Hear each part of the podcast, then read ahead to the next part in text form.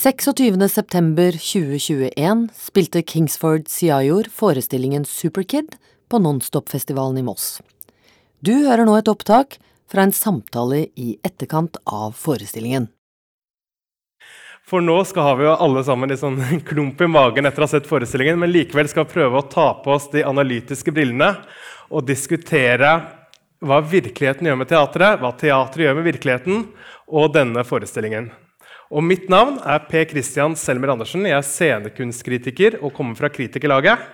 Og dette møtet er debattmøte, eller salongen, eller hva vi kaller det, det er da arrangert av Dramatikkens hus, også i Kritikerlaget, Nonstop-festivalen, og får støtte fra Fritt Ord og Kulturrådet.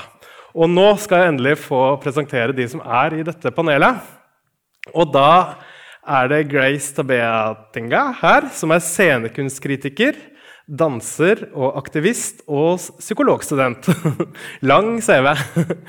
og så har vi Demian Vitanza, som er eh, dramatiker og forfatter og vinner av Ibsenprisen 2019 for en forestilling som var nært knyttet til virkeligheten. kan vi ikke si det sånn? Jo.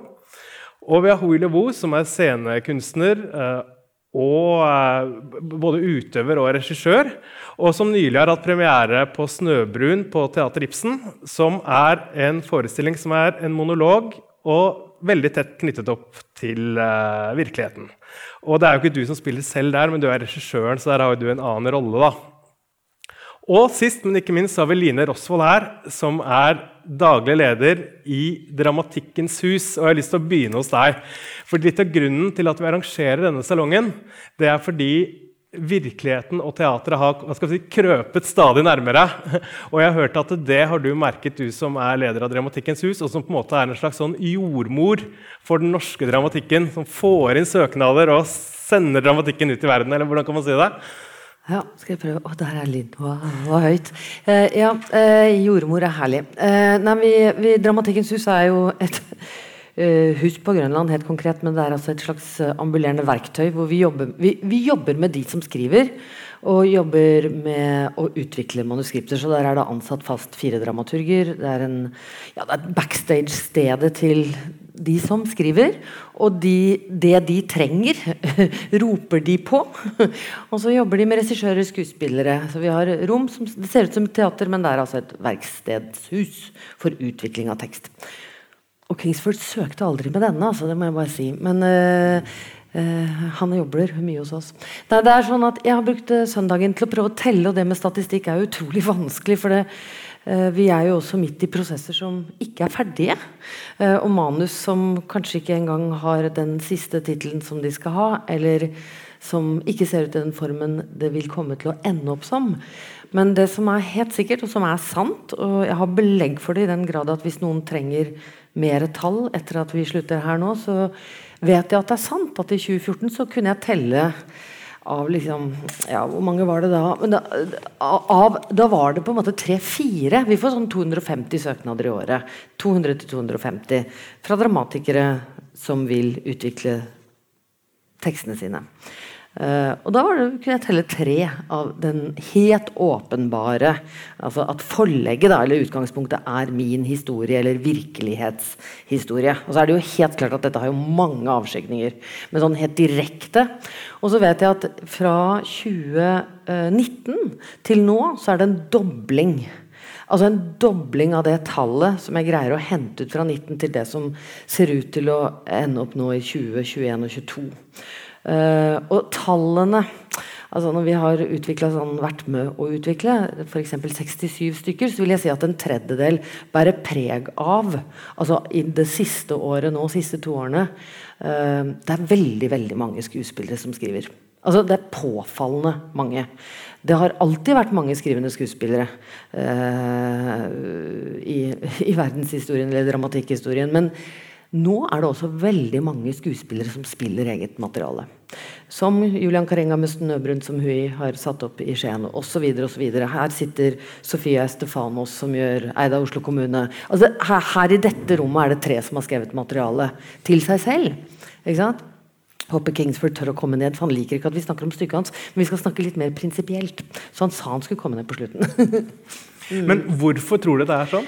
Nei, Det tror jeg det er mange svar på. Jeg, jeg, jeg syns det er et vanskelig spørsmål. Da. Men jeg tror det er noe med trend. Det er noe med Vi møtte jo møtte Svein Tindberg her om dagen. Han driver og prøver på enda en monolog. Og han sa ja, det er jo billigere da, med en meg på tur. Uh, uh, det er Jeg tror ikke han hadde tenkt at jeg skulle si det her, men det er jo helt klart at det var, Han har jo laget mange monologer. Han har eget materiale som Men det er også spilt av andre enn han, de monologene hans.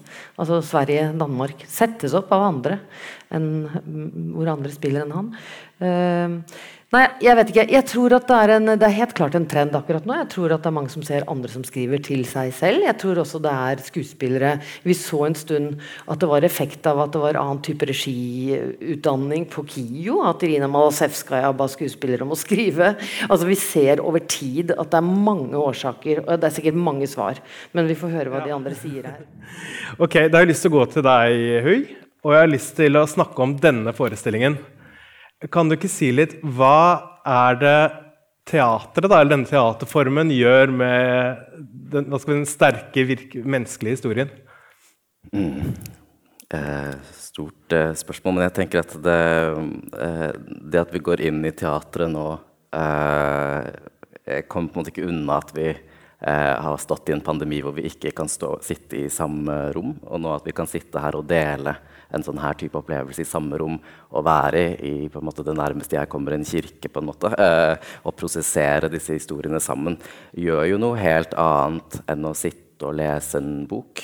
Eh, eller å lese dette som en reportasje i, eh, i et magasin, eller eh, å høre det igjen fortalt eh, på kafé. Jeg tror jeg ville ha satt veldig stor pris på det. da, Og fått lov til å sitte med Kingsford og få lov til å høre historien hans, for den historien er så sterk.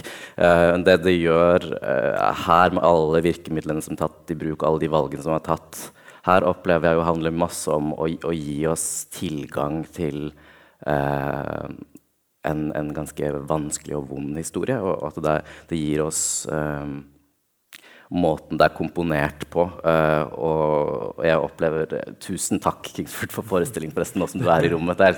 Uh, sitter her med stor kollegial respekt når jeg snakker om arbeidet. Um, det er noe med presisjonsnivået og, og tilstedeværelsen i, i Kingsford sitt arbeid som jeg opplever gir oss um, um, tilgang til materialet.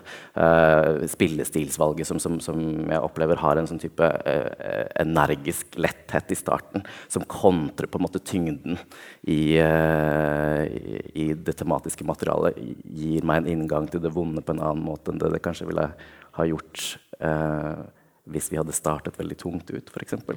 Um, og, og, og, dette at vi kommer inn i dette det dansende rommet med musikken, at vi blir tatt imot den direkte henvendelsen til publikum, som er et veldig tydelig valg.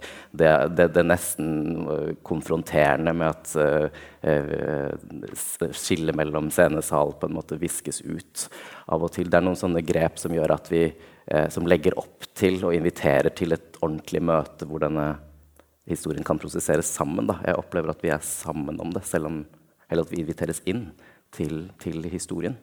Uh, og det, det, er noen tydelige teatrale grep som man ikke ville ha fått hvis man bare skulle sitte og lese teksten. opplever jeg. Mm. Eh, teatret, som du var inne på litt i stad, så er jo, er jo teatret en form som gjør at det blir jo automatisk ikke som å lese en reportasje. ikke sant? Fordi det blir jo kunst med en gang du har en scene. på en måte. Og da blir det noe annet enn virkelig. da, Og det blir noe annet enn en bok. ikke sant?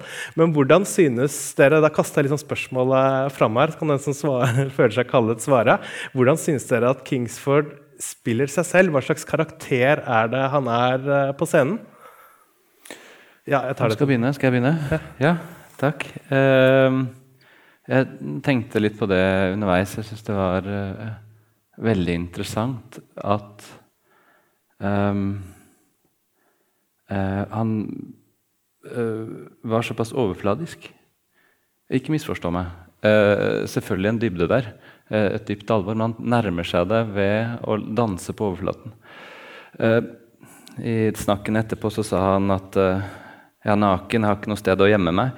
Så jo, eh, veldig mye av forestillingen handler så slik jeg ser den handler om å gjemme seg, hele tiden holde igjen for å gå inn i tragedien.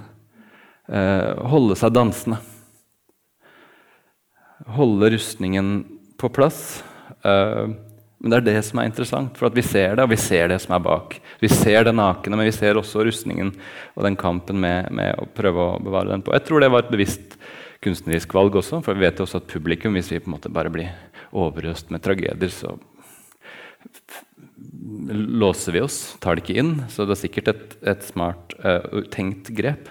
Um, men jeg syns også det, er, det, sier noe um, interessant om hvordan empatien fungerer. Um, for det første så gjør det det mulig for oss å ta inn historien. Uh, vi aksepterer den fordi det hele tiden er letthet, humor. Til, til, og med Williams død. Uh, han klarte det på første forsøk, han. Um, det er underholdende, så vi henger med. En monolog er tøft å stå i. Så uh, det å klare å holde oppdriften oppe. Men det sier også noe om en menneskelig kvalitet. Det sier noe om menneskelig oppdrift. Det sier noe om hvordan vi forholder oss til egen eh, tragedie og den andres. Hvordan, hva som skal til, hvilke forutsetninger vi har for å evne å forholde oss til andre. Eh, jeg hadde nok kanskje tålt litt flere daler personlig. Men jeg tror det er en, et godt valg for å nå ut til f.eks. mennesker som kan være i en lignende situasjon, ungdom f.eks., så tror jeg dette er helt prima. Holde det dansende. Jeg får litt sånn bilde Med den ringen her og den dansen i begynnelsen, så uh, får jeg et sånt bilde av en dansende Shiva. Uh, ikke sant? Uh, det, er en, det, er, det, er en, sånn Hvordan å være i livet. Det er på en, måte en, en måte å være i verden på som handler om å danse med ilden. Hele tiden danse. Og det føler jeg også er hans gestaltning av seg selv som en slags dansende skiva i, i danser, som danser i ilden. Danser i sin egen ild. Sin egen renselse. Grace, hva tenker du? Ja, um, Det jeg tenkte veldig mye på når jeg så det, var det begrepet tillit.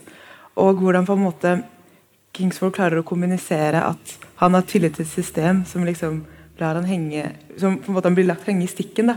Og så tenker jeg på hvordan veldig mange personer um, som, um, som, har minoritetsbakgrunn, kanskje blir mer Kanskje ah, Ok. Kan oppleve å bli utsatt for etnisk profilering i møte med politiet. og alltid bli sett på som kriminell, voldsutøver, noen som er farlig. Men i situasjoner hvor de er sårbare, så blir de ikke sett. Systemet fanger de ikke opp. Så hele, jeg synes det her med tematikken tillit dukket opp i flere ganger. Også det å bruke salen og ha liksom, og aktivt oppsøke publikum, be dem ta vare på um, disse barnevernspapirene, som kanskje er noe veldig sensitivt og sårbart og nakent. Og gi det til en fremmed person og liksom overlate det til dem. Jeg synes det var mange måter, å, både scenisk, men også i teksten. da. Hva tenker du det gjør med forestillingen, at den mappa går rundt i publikum? Um, jeg tenker Det stiller oss litt til vekst som publikum. Og også um, hvordan, måte, hvordan, vi på en måte har en forståelse av at å, um, når, når, folk opplever veldig vonde ting, så blir de tatt imot, og at ting går som det skal i velferdsstaten Norge, om man skal kalle det det. Men så merker man at når man holder i dem, og så blar man i dem, så er det igjen dette med overflaten, da, som det med han sier. At man kommer ikke helt ned til stikket da på en måte om hvor ille det faktisk er. Og man på en måte kanskje underspiller um, Hva var det han sa? Um, dette er heter det, noe med understatement? Ja, at i, i uh, dokumentene så er det en understatement. Mm, mm, mm, men det samme er i, i ja, selve ja, ja, forestillingen. Verdensmesterskap i understatement. Jeg tror det var noe lignende sånn. Og igjen, da. Det å på en måte ja, gi oss ansvaret og si hvordan stiller vi oss til det? At systemene våre svikter. Kanskje ikke alltid fanger opp folk tenker jeg også selv som studerer psykologi og nå er i hovedpraksis selv, så jeg også, kjenner jeg veldig på det med ansvar. Hvor er det mitt ansvar står. Hvordan liksom, Når jeg skriver noe nå i denne journalen, og dette kan noen leses igjen da, om 10-15-20 år, hva er det folk skal sitte igjen med etter å ha lest det? Så Det var de liksom, tankene jeg gjorde meg. da. Mm. det er jo eh, Dere har vært inne på en del. Jeg hørte også at det var noen spørsmål her fra salen eh, om eh, dette med når han snakker med faren sin, f.eks. Og det er jo et av flere veldig sånn teatrale grep som er annerledes enn en bekjennelsesforestilling, kanskje. ikke sant? Har noen av dere noen tanker om uh, hvordan de grepene blir tatt, der fortellingen bryter fra en mer sånn bekjennelse, da, fortellerteater, over til noe veldig teatralt? Og hvordan det funket? Ja, jeg kan uh, begynne, i hvert fall, et sted.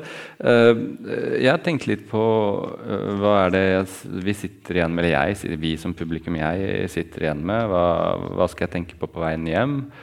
Og, og, hva kommer jeg til å huske om et år av denne forestillingen? og veldig mye av dette er på en måte sånn emosjonelt treningsstudio. det er en renselsesprosess. Det er en øvelse i empati og følelser. Eh, jeg fikk grått litt. Eh, eh, det er også en institusjonskritikk. En påminnelse om viktigheten av medmenneskelighet, se hverandre, alt dette her. Og det er egentlig ganske mange forestillinger og ganske mange bøker som handler om dette temaet med, med voldelig far og sånn. ikke sant? Så hva, det, ja, vi trenger mange av dem. Vi trenger en stadig påminnelse, en øvelse. Så, det er en verdi i seg selv. Men hva mer? Er det noe mer? Uh, og For meg så er det faktisk en del av de sceniske bildene som jeg tror blir værende. Det at noen av de bildene, de teatrale virkemidlene som blir knytta til dette, som jeg kommer til å huske. Men også det litterære. Eh, jeg har tre ting som jeg har tatt med som er bilder som jeg tror jeg kommer til å ta vare på. Det ene er William som spiller på slutten der. Det kommer jeg til å huske, tror jeg. Det blir på en måte et sånt bilde på den ehm, For det er så, det er så hardt. Han spiller så hardt, og det er så rått. Og det, det, det kommer til å tror jeg, være som en slags metafor da, på det, det han bærer med seg, den musikken han har med seg, den handlingen der. Men også en, på selvfølgelig den empatiske øvelsen å tre inn i sin bror. Da. Så spille bror. Eh, spille med bror som er død. Det andre er bøtta med disse målene. Uh, det, og, og, det tror jeg fest, liksom fester seg som en måte å forholde seg til døden eller som ja, dette analytiske blikket, apropos det som vi har nå. altså Det å liksom se uh, og, og, til slutt det første, egentlig, brannslukningsapparatet. Og det sier han, dette er ikke en metafor. og det liker jeg. For meg er det selvfølgelig også en metafor. Alt er metaforer på et vis. Men samtidig så er det bare et utrolig vakkert bilde. Så disse to, jeg vil si det er noe, Mye av det er mest litterært, nesten, som blir værende igjen. Mm, men eh, den eh, dansende shivaen og den spillende gitaren, det tror jeg, det tror jeg blir en sånn som hever det til noe, til noe større enn en denne eh, treningen i empati, da, som også er viktig og fin. Ja. Vi eh, som sitter her, vi visste jo at dette var en sann historie. Det er derfor vi arrangerer denne salongen. Men det kan jo hende som du var inne på i ettersnakken, at noen kommer inn, og de vet ikke det på forhånd. Og jeg har lyst til å spørre dere som sitter her, om hva om det ikke hadde vært sant? Hadde det gjort noe forskjell for uh, forestillingen? Eller er den virkelighetskontrakten med publikum da, så viktig at det er uh, hva skal vi si, brekkstanga inn til hjertene våre. Grace, hva tenker du? Um, jeg tenker den virkelighetskontrakten er viktig, særlig hvis noen sitter med den og har, kan gjenkjenne seg i deler av historien. Og jeg tenker det er mange ulike lag. Da. Det kan være dette trøblete familieforhold, um, svikt i systemet, og også den derre å oppsøke venner og ha venner som kanskje har litt ulik sosial posisjonering, men at de fortsatt rommer en inn. da, og Man får innpass i noen man får innpass i noen sirkler, selv om det kan være veldig trøblete ett sted. så kan man få innpass en andre steder. Så jeg tror at den virkelighetskontrakten oppleves som en litt sånn jeg vil, om ikke forhøyning Jeg vet ikke om jeg helt finner så, eller, Du mener at hvis det skal være en lærdom i det, så bør det være virkelig? på en måte? Jeg tror det kan være lærerikt uten at det er virkelig, men jeg tror opplevelsen man sitter med, og litt den der, eh, litt panikken man kanskje kan ha når man hører om dette, og litt den derre at det trekker litt på disse hjertebåndene, det tror jeg kommer av at dette har vært virkelig. Dette er noe man på en måte ikke bare har Ikke bare, men noe, når det er oppdiktet, så må man leve, forestille seg det. Mens når du på en måte er eh, vet at det er virkelig, så blir det på en måte en sånn Må måtte liksom retraumatiseres da, for å gjøre det. Eller gjøre det på en måte på nytt.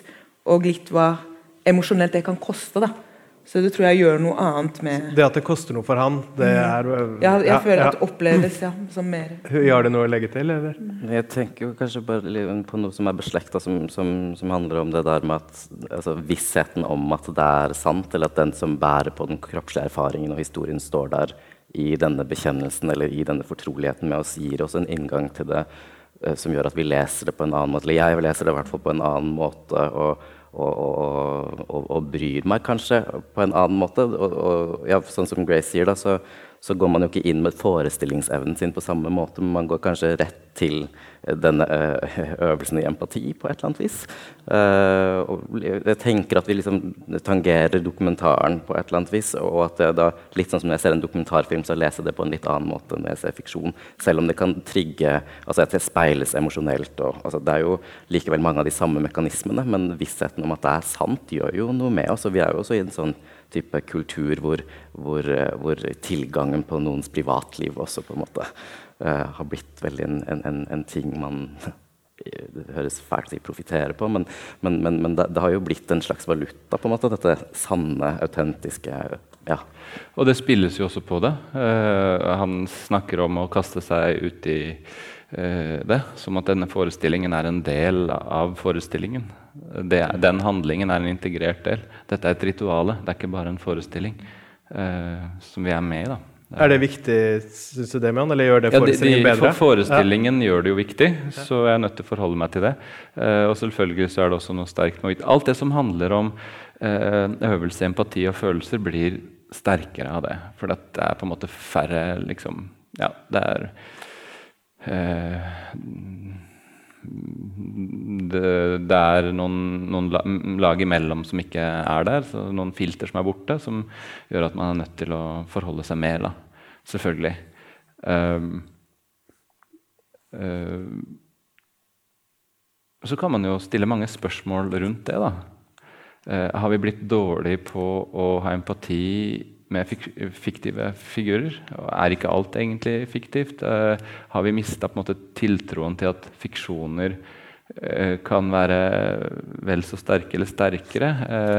Uh, og så er det enda flere spørsmål. Jeg vet ikke hvor mange hvor, hvor, Nei, jo, men hvor bredt blir jeg skal når du gå sier ut det, for nå, er vi, nå går, vi litt videre, og det er litt meningen. Ja. Så skal, tenkte jeg vi kunne se litt større på det. Og Ja. da har jeg egentlig lyst til å følge opp akkurat Ja. det du sier. For når du spør om vi er blitt dårligere til å se fiksjonen, da tenker jeg hvem er vi? Er det vi som er publikummere? At når vi går og ser Mor Courage eller Et dukkehjem, så klarer vi ikke å identifisere oss? Eller er det vi som er journalister, som ikke vil løfte ting frem i offentligheten, med mindre noen liksom deler av seg selv. Da gir vi dem ikke spalteplass. At noe er ikke godt nok lenger for oss journalister. Ja, Det er jo et kjempeproblem. Eh, jeg må bare påpeke først uh, Stjele det spørsmålet som, eh, eh, som eh, eh, eh, du stilte i stad, eh, om hvorfor eh, kommer denne trenden nå? Eh, og jeg tror selvfølgelig er det i vår tid og selfietiden. Og, ikke og jeg har harselert mye med litterære selfier. ikke sant? Og Knausgård og sånn, han driver med litterær selfie, ser jeg. Eh, og så ler jeg litt av det. Litteraturen har jo holdt på med dette her siden 2010. Veldig mye. Også før har en lang tradisjon for det, men veldig mye siden 2010. Virkelighetslitteraturen. Eh, at mm, Litteraturen er alltid tidlig. Eh, eh, fordi forfattere graver dypt, rett og slett. Eh, det er en del av arbeidet. Selvfølgelig smitter det over i andre kunstformer. Det er ikke veldig overraskende. Det skjer jo noe i det det er skuespillere som både skriver historien og spiller. Fordi da har du et utvalg av det som blir presentert på scenen, som er skuespilleres liv. Og øh, hva, hvilke historier er det da vi ikke får? Det uh, syns jeg er et interessant spørsmål. Jeg er veldig glad for den historien jeg har hørt i kveld, så ikke misforstå. Uh, men jeg stiller spørsmål da ved altså Skuespillere har noen ting eh, til felles. Ofte eh, på, på, mange måter ressurssterke. ofte i likhet med meg på venstresiden, veldig mange politisk sett. Det er visse diskurser som går igjen. det er visse tenkemåter som går igjen. hvilke historier er det da vi ikke får? og hvis man skal gå inn i virkeligheten, er det da mulig å gå inn i noen annens virkelighet? Kan man intervjue noen andre? Og det sterkeste for meg i denne forestillingen her er de antydningene at dette egentlig er Williams historie. Uh, når vi ser på denne virkelighetstrenden, så, sånn som jeg ser det da, som kritiker, er at det er litt to typer forestillinger. Det er dokumentarteatret, hvor ja, scenekunstnerne nettopp gjør det Demian sier, da, at de reiser ut og intervjuer andre. Og du kommer tilbake og sier dette er sant, det handler om bondeoppgjøret på 80-tallet, som er en forestilling på Vest Teater Vestland for tiden. Eller det handler om barneskolen, eller ja, noe sånt. Eller det er en bekjennelse hvor noen skriver sitt liv. Og Line, du får jo begge disse typer forestillingene på ditt bord. Og jeg lurer på hva slags etiske problemstillinger står dere i da? Eh, veldig ofte ja, De som er gamle rever i faget, vet jo godt at de skal snakke med både jurister og advokater, og det gjøres jo masse arbeid. Jeg vet ikke hva Kingsford har gjort, men, men, jeg vet at de som er unge, som skriver Det er i hvert fall tre av dramaturgene hos oss, eh, deriblant eh, Ranja som sitter her, som sitter med eh, materiale hvor vi må faktisk eh, rådgi den som skriver, til å gå tre skritt tilbake eller tenke på nytt. Og vi stiller urspørsmålet, som jo er hvorfor og hva vil du? Er dette terapi for deg? Eh, eller hva slags noe språk det avstedkommer. Men det er jo helt klart at det er eh, mange altså Den første skriveimpulsen av ferskhet ligger jo nærme nødvendigheten. Eh, både hos en Arn Lygre vil jeg anta, eller en Demian Vitanza, eller hvem det nå er. ikke sant? Og at man går gjennom et arbeid og et bevisst arbeid. Men vi, vi vet at vi jeg vet, Det er erfarne folk rundt oss som vi henviser til, og vi vet også at noen ganger så må man finne ut av hva sier familien? Hva tenker du om at moren din, som er en kjent person i norsk teater, at du skriver dette stykket om hvor alkoholisert hun har vært i din barndom? og sånn? Altså Vi går jo inn i det og prøver å rett, gi råd. Men mest av alt så må jo dette mennesket finne ut av det selv. Det er ferskvare skriving, og der skal man jo også finne ut hvor det brenner. da Nødvendighet og brann og alt det etiske og alt det rundt. Men jeg har bare lyst til å skyte mens jeg har ordet. Siden jeg så på Ranja, så sier Ranja her også at det er en tendens det, Vi ser at det nok er flere, og dette handler om nødvendig skriving, tror jeg, med minoritetsbakgrunn som skriver, og som skriver og selv setter seg selv på scenen. Og det er, for, det er nyere enn skrivende dramatikere in general. bare så det er sagt.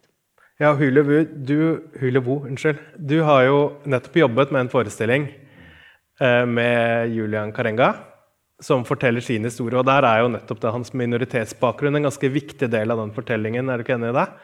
Jo, på mange måter. Og det er jo også, hva skal man si, det er helt klart det. Og, og det er et spørsmål øh, om øh, å oppleve altså det å oppleve opplever rasisme, er en ganske stor del av det. Men jeg tenker at det på mange måter er en, en historie om tilhørighet og utenforskap. og det, den, den, er større enn bare det. Uh, og Julian er veldig sånn, opptatt av at han skriver nordnorsk dramatikk uh, på kav Tromsø-dialekt. på en måte. Så, det, det, jeg, jeg, har en sånn forhandling, og vi har diskutert det masse i prosjektet, når man uh, gjør det altså, i kommunikasjonsøvelsen der. altså hva, Hvordan man snakker om prosjektet. For ja, vi skal anerkjenne at det handler om det, men det er også en, en slags reduksjon opplever jeg av og til.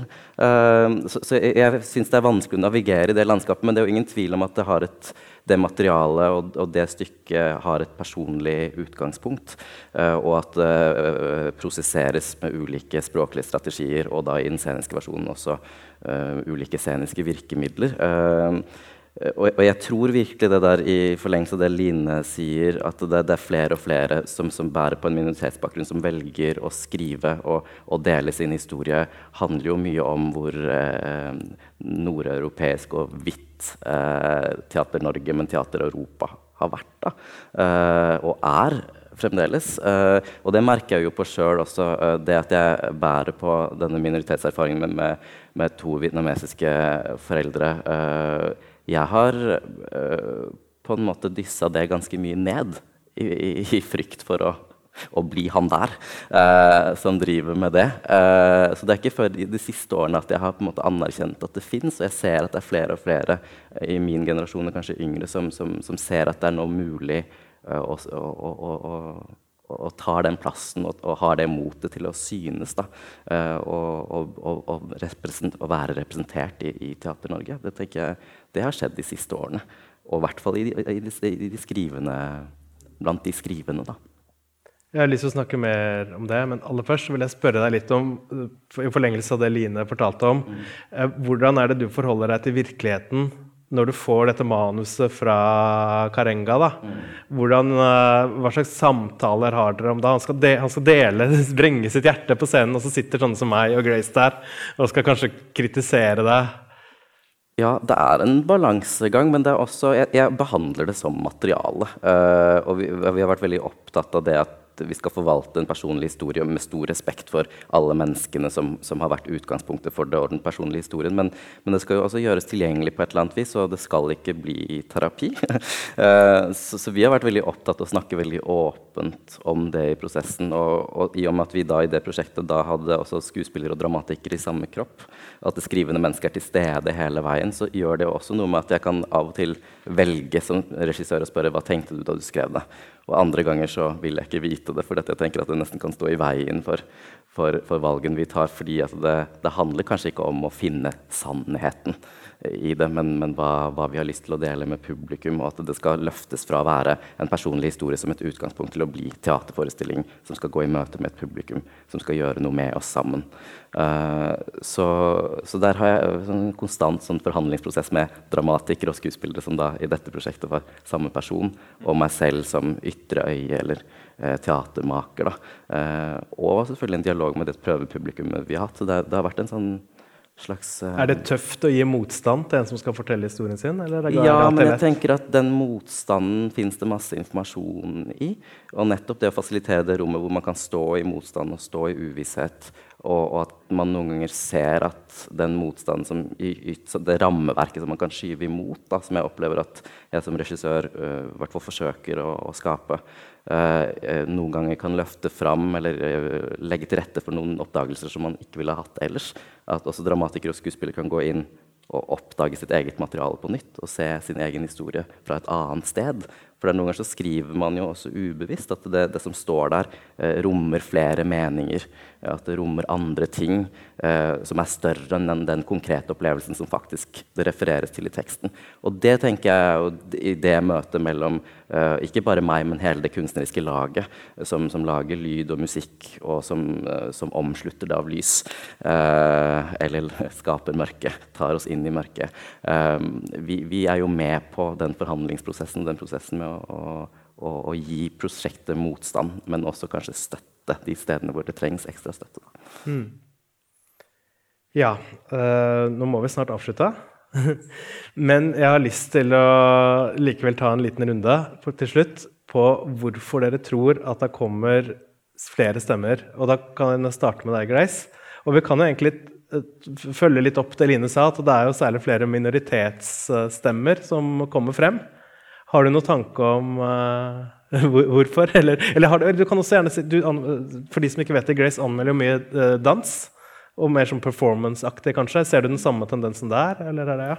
Ja, jeg tenker at um, det er litt sammensatt um, hvorfor det oppstår nå.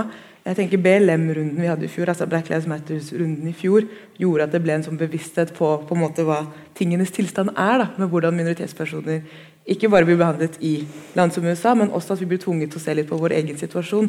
Og det tror jeg også på en måte har pushet frem at flere slipper til da, og finner at disse historiene som man kanskje har tenkt at dette er noe jeg bærer på selv, bærer på alene, kan faktisk ha eller har stor relevans og bør på en måte snakkes mer om, fordi man plutselig måtte reflektere over ting man kanskje ikke har måttet ta opp før. Og, så dette oppgjøret. fordi Jeg merket i hvert fall da at det var veldig mye snakk om om rasisme finnes i Norge, og det er liksom, og ikke bare om det finnes, men også hvordan det utarter seg, hvordan det oppleves. Og ikke bare samtalen om at 'jeg er ikke rasist', men heller at 'jeg opplever rasisme', og hvordan det er.